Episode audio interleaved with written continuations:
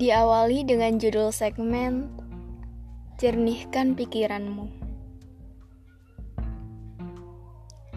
Pikiran yang jernih adalah pikiran yang sehat dan pikiran yang produktif. Berikut ini adalah cara-cara untuk menjernihkan pikiranmu. Pertama, bicara kepada teman membahas sebuah masalah dan hambatan serta bersama-sama um, apa ya mencari solusi dengan temanmu adalah cara yang baik karena itu dapat mengurangi rasa stres dalam pikiran. Kedua, baca buku yang bagus.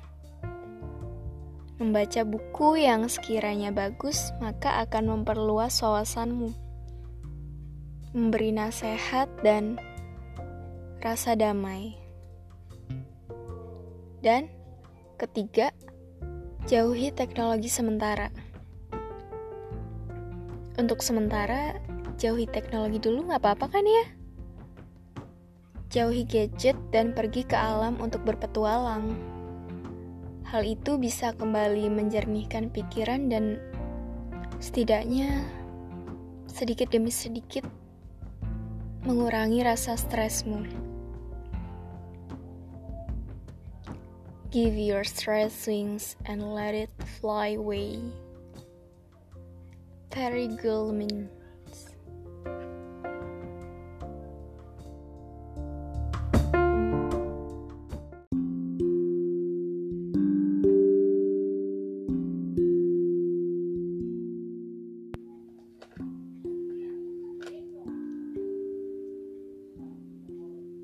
Kali ini aku ingin menyampaikan tentang mengendalikan tugas.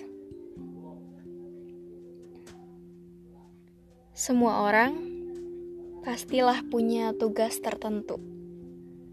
Tetapi kadang kitanya malah menghadapi masa tertentu di mana seakan tugas-tugas bertumpuk itu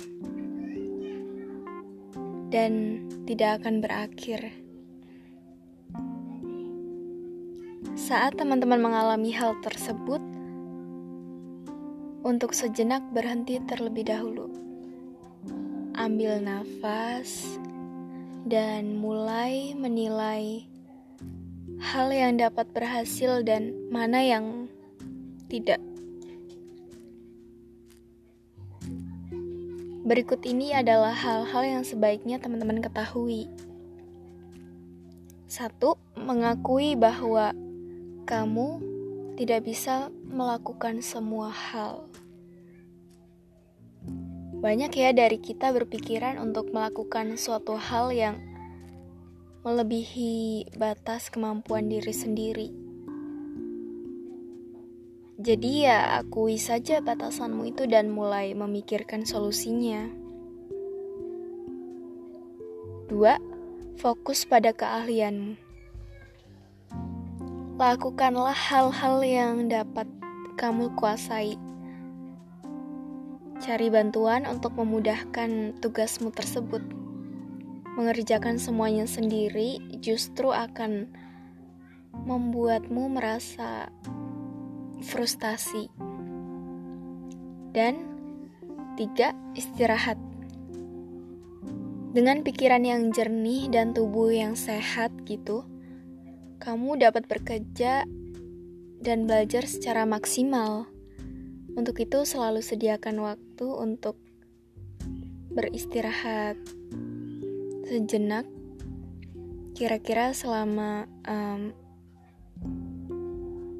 10 menit atau sampai dengan 15 menit di sela-sela kesibukanmu itu. Don't forget to try.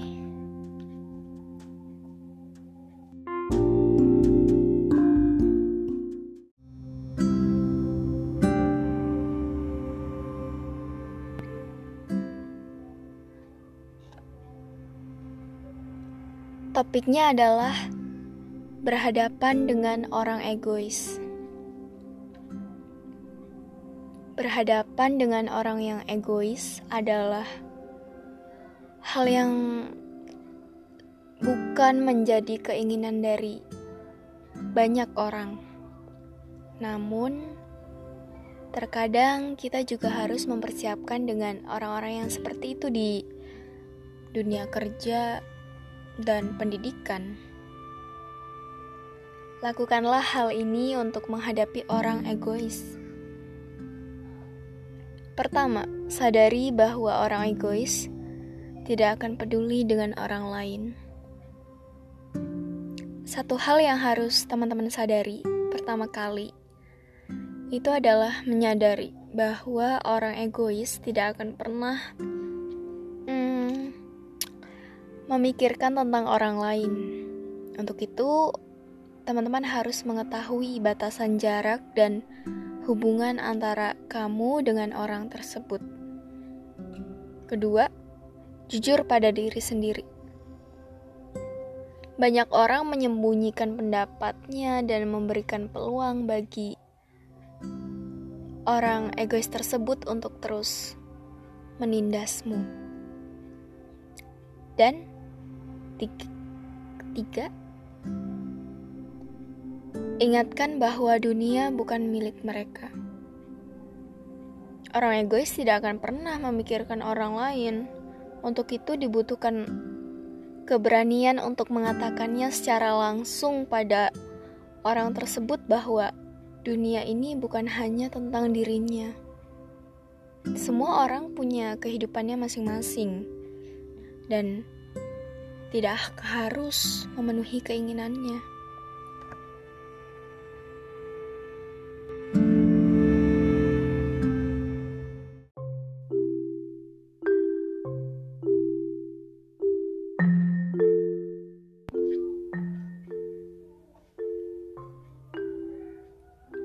Pembahasan kita hari ini mengenai kebiasaan.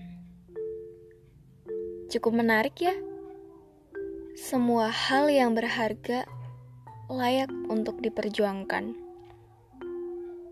Kamu hanya terus menyesuaikan pola pikir dan harus menyesuaikan kebiasaan serta melakukan hal-hal yang berada di luar zona nyamanmu come on out of the box. Satu, satu kebiasaan.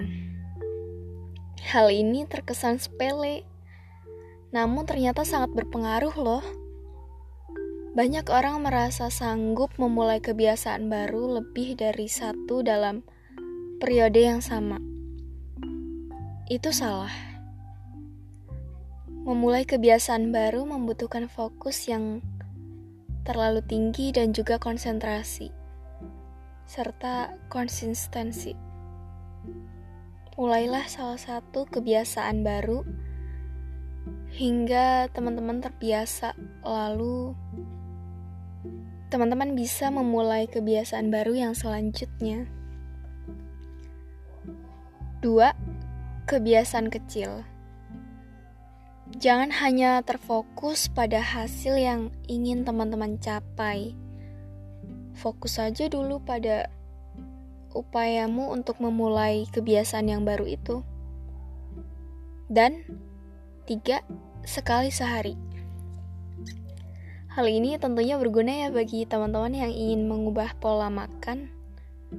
Banyak orang yang memulai pola makan pola makan sehat secara drastis, mengubah menu yang biasa penuh dengan gorengan dan panggangan, serta berbahan daging ke menu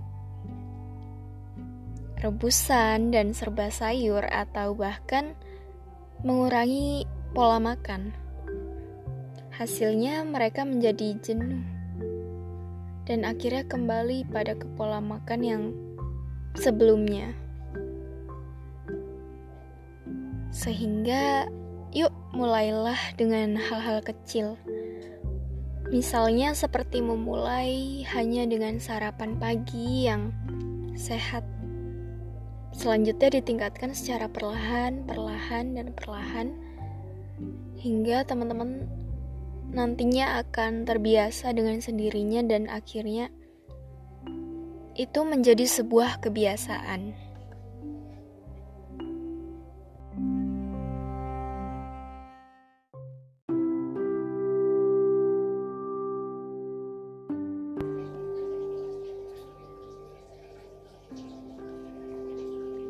Jika bicara soal tidak menyia-nyiakan waktu, um, mungkin sebelumnya sudah ada yang tahu.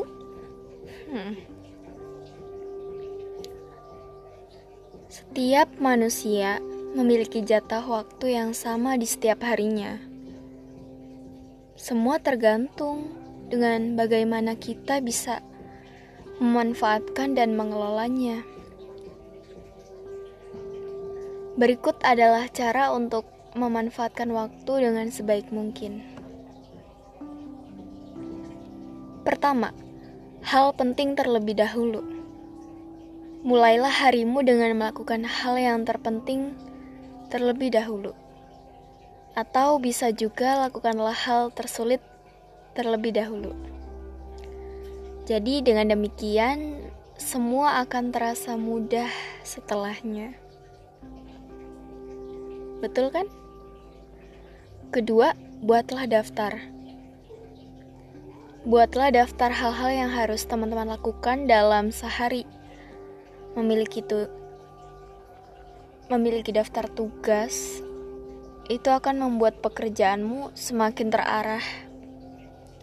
Selain itu, teman-teman juga dapat menghindari pekerjaan yang sebenarnya tidak perlu dilakukan. Ketiga, uraikan masalah. Jika teman-teman memiliki masalah atau tugas yang cukup besar, coba deh uraikan menjadi hal-hal yang lebih kecil. Dengan demikian akan terlihat lebih mudah untuk melakukannya.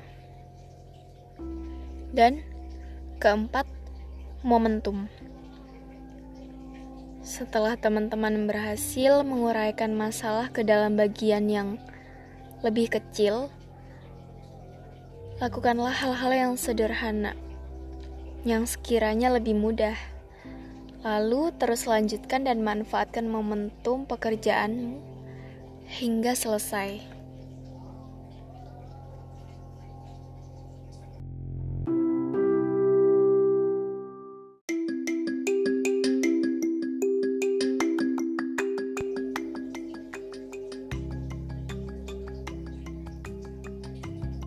Gebrakan dalam hidup. Banyak orang menjadikan tahun baru sebagai titik perubahan dalam kehidupannya. Target-target yang ingin mereka capai biasa disebut dengan resolusi. Namun, untuk membuat suatu gebrakan dalam hidupmu, kamu tidak harus kok menunggu tahun baru. Bukankah niat baik harus disegerakan ya? Oke, berikut adalah hal-hal yang dapat teman-teman lakukan untuk menjadi sebuah gebrakan dalam hidup. Satu, rencanakan waktu bersama keluarga berkumpul bersama keluarga dapat menghasilkan waktu berkualitas dan pada akhirnya meningkatkan um, apa ya semangat hidup untuk bekerja maupun belajar. Eits, namun ingat, teman-teman belajar untuk mendapatkan pekerjaan dengan baik dan pada akhirnya kamu bekerja untuk hidup bukannya hidup untuk bekerja. Dua, perlahan untuk melaju. Maksudnya gimana sih? Jadi maksudnya adalah teman-teman perlu berhenti sejenak untuk berpikir menghitung apa yang tidak dapat teman-teman lakukan dan memikirkan rencana masa depan. Setelah teman-teman berhasil memikirkan semuanya, barulah teman-teman mengarahkan seluruh tenaga untuk menyukseskannya. Tiga, satu langkah menuju rencana besar. Setiap orang memiliki rencana besar dalam hidupnya masing-masing, namun tidak jarang juga ya ternyata rencana tersebut justru membuatnya menjadi orang pesimis. Untuk itu, teman-teman perlu membuat target di setiap hari untuk mencapai tujuan besarmu itu. Dengan kata lain, kamu harus menyicil targetmu di setiap harinya. Dan empat, investasi masa depan. Sejak masih menjadi seorang pelajar, tentunya teman-teman perlu mulai menabung dan merencanakan keuanganmu sendiri. Jadi, rencanakan masa depan yang cerah dan bebas dari ketakutan keuangan pada saat hari tua.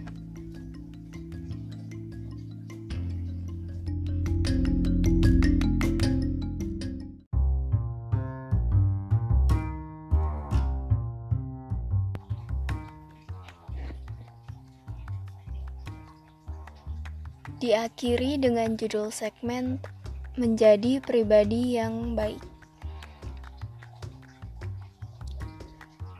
Saat seseorang melakukan hal baik kepadamu,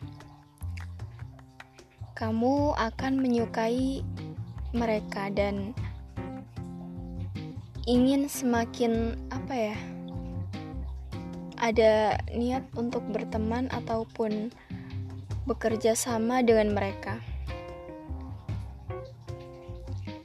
Berikut adalah cara untuk membuat kita menjadi lebih baik.